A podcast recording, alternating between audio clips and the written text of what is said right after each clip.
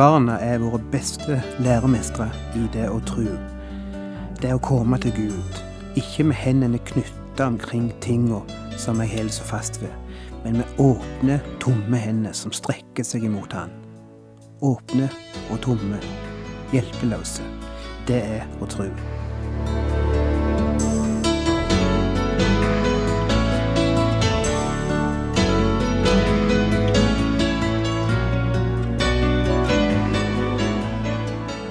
Hjertelig velkommen til et nytt program i serien Vindu mot livet.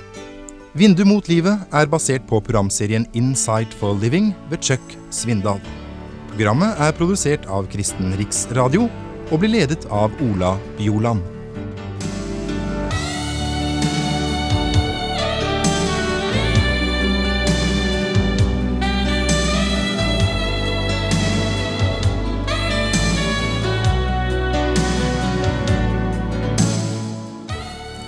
De fleste kristne har sine favorittvers eller favorittfortellinger i Bibelen, som de slår opp og leser når de kanskje er under press eller opplever spesielle vanskeligheter i livet. Noen har ett spesielt vers som de regner som sitt vers, og som de ofte vitner om og siterer, og som de gjemmer i hjertet som en dyrebar skatt. Noen har et helt kapittel, kanskje, som de elsker framfor alle andre kapittel og som de kanskje har lært utenat, fordi det er ord som bringer håp og trøst, kanskje. Jeg vet ikke hvor mange tusen, ja kanskje titusener mennesker rundt om over hele kloden som ville si at Salme 23 er deres salme i Bibelen, deres favorittkapittel. Eller Jesaja 53.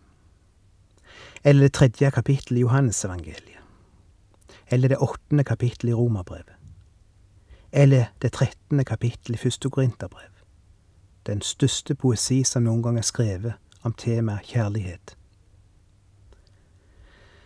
Men jeg tror at hvis vi hadde gjort en undersøkelse blant alle kristne over hele verden, og bedt de sette opp de fem mest populære kapitlene i Bibelen, så tror jeg en stor del av de ville hatt kapittel 11 i Hebreabrevet blant, blant disse fem favorittkapitler. For det er et stort kapittel. Av noen er det kalt Bibelens Westminster Abbey, bare for å få fram hvor høyt det rager blant verdens berømte byggverk. Slik rager kapittel 11 i Hebreabrevet blant Bibelens byggverk, vil jeg påstå. For her får vi liste opp de store trosheltene fra gammel tid en parade av helter som en aldri har sett magen til. 17 menn og kvinner er nevnt ved navn her, for at vi skal betrakte de, og betrakte måten de levde på, og gjøyme minnet om de i våre hjerter, og framfor alt lære av de. Og det er ikke ei liste over prester og profeter og forkynnere. De fleste av de var ganske alminnelige mennesker vanlige mennesker. Men det som gjorde de uvanlige, var at de hadde ei uvanlig tru. Og fordi de var vanlige mennesker, gir det håp til oss, vanlige, som leser om de. For vi tenker, kunne de leve slik ved tru, så kan vel jeg òg det. Og det er hele poenget med å skildre disse menneskene her i Hebrean 11. Kapitlet begynner rett nok ikke med lister med navn. Det begynner med en enkel analyse eller definisjon av hva tro er. Troen er sikkerhet for det som håpes, visshet om ting en ikke ser. Vi får høre noe om hva tro er, og hva tro ikke er. Det er for det første tillit. Tillit til Gud. Det er å stole på Gud når du har alle odds imot deg. Stole på Gud mot alle odds. Det er ikke en blind lek med skjebnen. Det er ikke å hoppe ut i farlige situasjoner i hytt og vær for å demonstrere hvor modig du er. Det er ikke å gå rundt og ta giftige slanger med hendene, eller drikke gift, eller gå på tynn is for å bevise at Gud kan hjelpe deg til å gjøre dumme ting. Det er ikke fantasi eller ønsketenkning. Det er ikke engang positiv tenkning. det er bibelstenkning. Tru er å stole på Gud, stole på det Han har sagt. Ikke å utfordre Han med all slags tåpelige ting og påfunn for å gjøre inntrykk på mennesket. Vet du hva jeg tror? Til lenger jeg lever, til mer tror jeg at tru opprinnelig var en nokså enkel sak for mennesket. Men vi har gjort det vanskelig. Vi har gjort det komplisert. Hvem husker ikke barnets bønn når du tenker tilbake? Barnets enkle og tillitsfulle bønn til Gud. Og hvordan barnet regner med Gud og ser Guds hånd i det som skjer. Guds hjelpende hånd. Mens vi voksne liksom må prøve å la være å smile. Prøve å skjule vår overbærende smil over deres naivitet. Klart Gud kan ikke gjøre det, tenker vi. Prøv å fortelle et barn det. De har en helt annen forestilling av hvem Gud er, og hva Gud kan. Og jeg lurer på om ikke de er mye nærmere sannheten og virkeligheten enn vi voksne ofte er. Det var vel ikke for ingenting at Jesus holdt fram et barn for å demonstrere hva tru er. Men vi har lært å ikke tru. Vantro er noe som læres, ser du. Ja, jeg vet at vi er født med vantro i våre hjerter, men det utvikles og læres etter hvert som vi vokser opp i en verden som er vantro i sitt vesen, og der hele systemet bygger på vantro. En har sagt det slik, den enkleste ting i verden er å tro at Gud eksisterer. Det krever masse anstrengelser imidlertid for ikke å tro. Men det kreves ingen anstrengelse for å tro. Det interessante er at alle mennesker i verden begynner med å tro at Gud eksisterer. Derfor oppstår det religioner overalt, i alle kulturer og blant alle folkeslag. Det er det mest fundamentale i menneskesinnet, troen på en Gud. Det er først når vi er blitt nøye opplært til ikke å tro, at mennesker begynner å hevde at Gud ikke eksisterer. Barn tror så enkelt og så nydelig. Jeg har en historie om en elev som gikk i første klasse, og læreren, som var en truende, hadde gitt klassen i oppdrag å tegne noe. Tegne et eller annet bilde av et eller annet, hva som helst de kom på og vesle Frank, som satt på bakerste pult, var den siste som vart ferdig. Og lærerinda tokte det tok litt lang tid før Frank var ferdig, så hun gikk ned og kikket over skuldrene hans for å sjå hva han tegna. Hun hadde sagt at de kunne tegne akkurat det de ville, og det var det Frank gjorde. Han tegnte akkurat det han ville denne dagen. Hun så på det og spurte, Hva er det du tegner, Frank? Uten å sjå opp, svarte han, jeg tegner et bilde av Gud. Og hun kunne litt teologi, og visste at det sto i Bibelen at ingen har noen gang sett Gud. Og hun sa, Frank, du ser, ingen har noen gang sett Gud. Ingen vet hvordan Gud ser ut. Fortsatt uten å sjå opp, svarte Frank. Vel, de vil komme til å vite det når jeg er ferdig med denne tegningen. Er ikke det litt herlig? Det var det mest selvfølgelige av verden for Vesle Frank å tegne Gud. Gud var en del av hans liv og hans verden. Hvorfor skulle han ikke kunne tegne Gud like mye som han tegnte ei ku eller et hus? For Gud var mye mer reell for han enn et hus. Eller historien om gutten som bodde i en fattig familie, og han trengte ei ny skjorte, for den gamle var flussete og utslitt. Men de hadde ikke råd til å kjøpe skjorte, ikke akkurat da, og hver kveld hadde de andakt og bønn sammen i denne familien, etter at de hadde spist kveldsmat. Og en kveld sa gutten, Mor, kan vi ikke be om ei skjorte? Kan vi ikke be om at Gud må gi oss ei skjorte? i størrelse seks. Ja, hvorfor ikke, tenkte mora. Hun kunne jo ikke øyelegge guttens enkle gudsbilde. Og da de skulle be om kvelden, og hver kveld framover, avslutta de bønner med å nevne at Morten trengte ei ny skjorte, og Morten la alltid til Husk størrelse seks, Gud. Husk størrelse seks. En dag ringte det opp en venn av familien som eide en klesbutikk, og som visste at denne familien hadde det trangt økonomisk. Han sa vi har nettopp avslutta salget i butikken vår, og jeg har noen skjorter igjen som ikke vart solgt, og som jeg gjerne skulle blitt kvitt. Tror du det kunne hatt bruk for deg, så skal du få de gratis. Og mor spurte hvilken størrelse har du? Og han svarte jeg har faktisk ti stykker, og alle i størrelse seks. Tror du de kunne bruke noen av de? Og mor svarte send de over, alle ti, vi skal nok få bruk for de. Om kvelden da de hadde spist og skulle ha andakt, sa Morten, la oss be om skjorta, mor. Så reiste mora seg og gikk opp på loftet og tok ei av skjortene, kom ned og la den på bordet framfor Morten.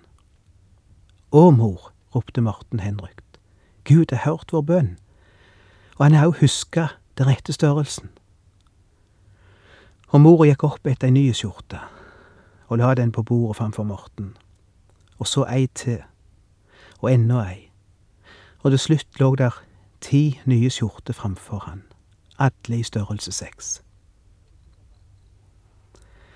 Og jeg er sikker på at det lever en gutt der borte, hvis han ikke er blitt stor nå og blitt avskolert.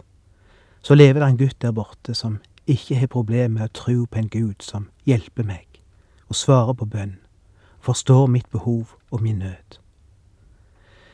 Tenk om vi kunne bli som barn igjen. Om vi kunne komme litt tilbake til der vi var.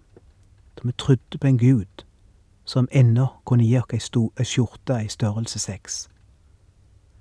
Tror du ikke han kan det?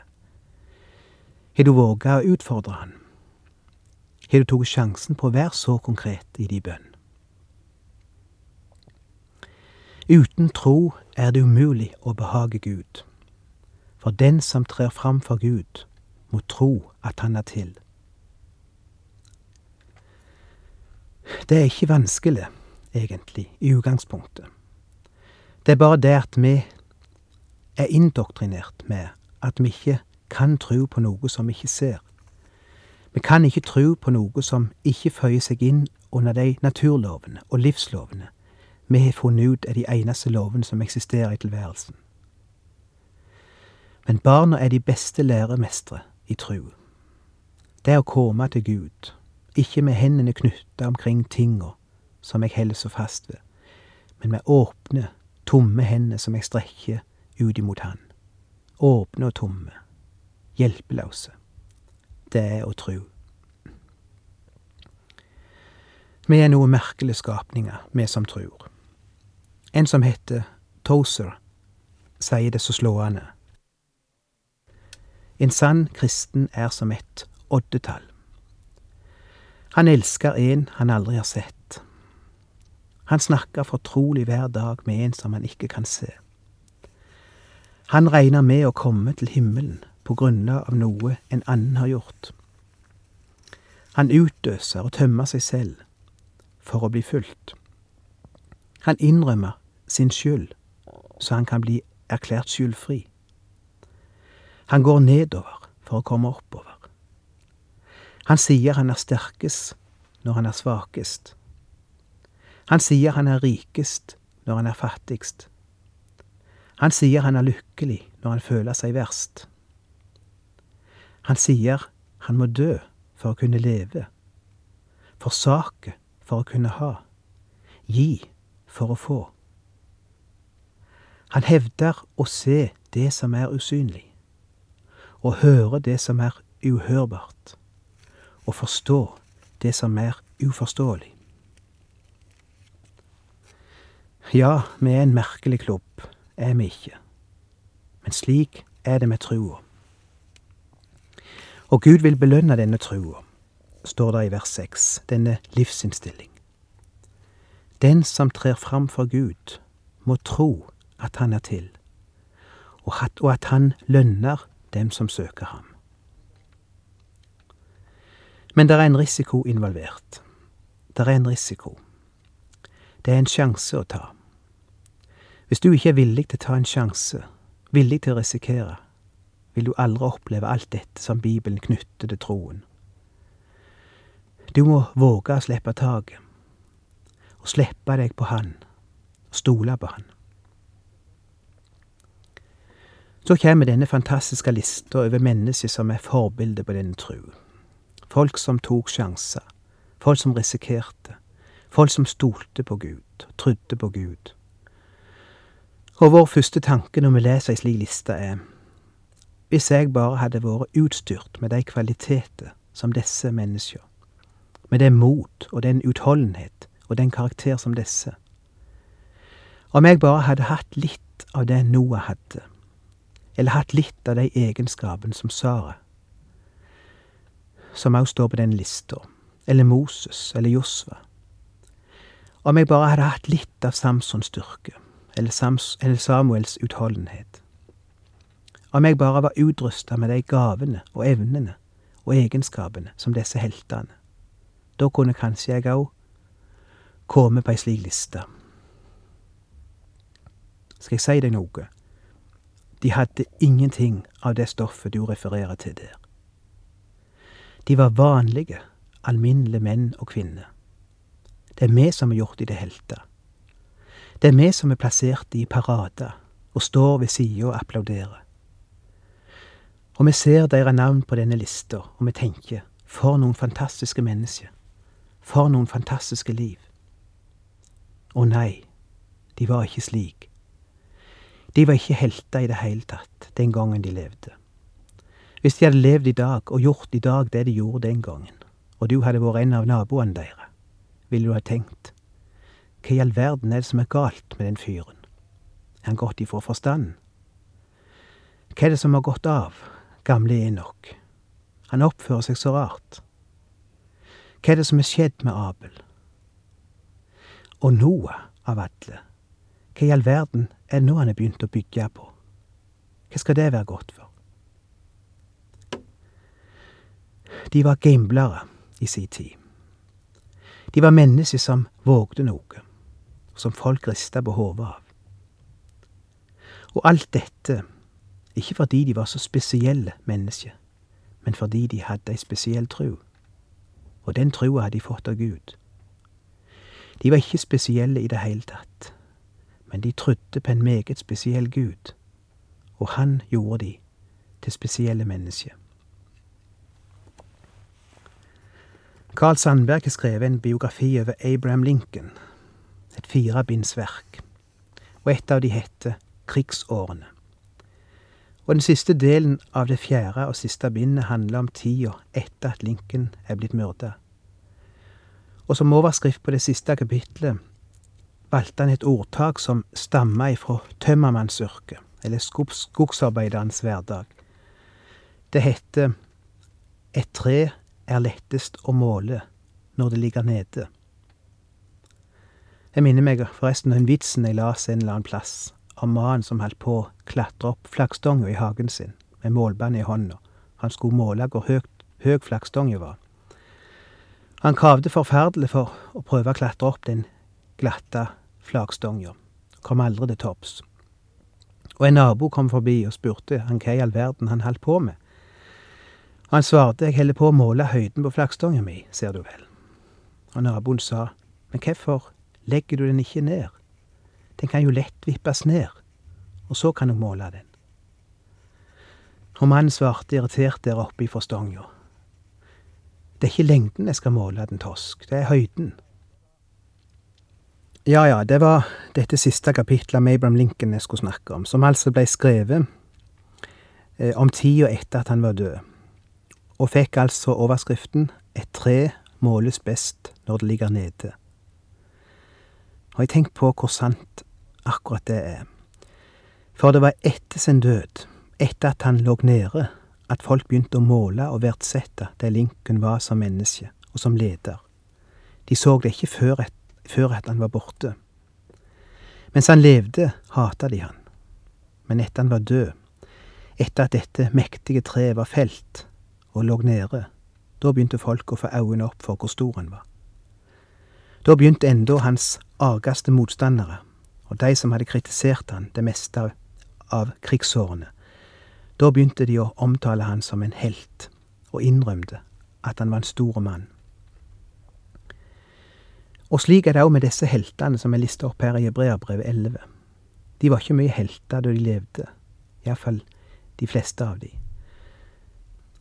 Det er i ettertid de er blitt helter. Et tre kan best måles når det ligger nede. Kanskje du skulle prøve å måle et tre i dag. Ditt tre. Ditt liv.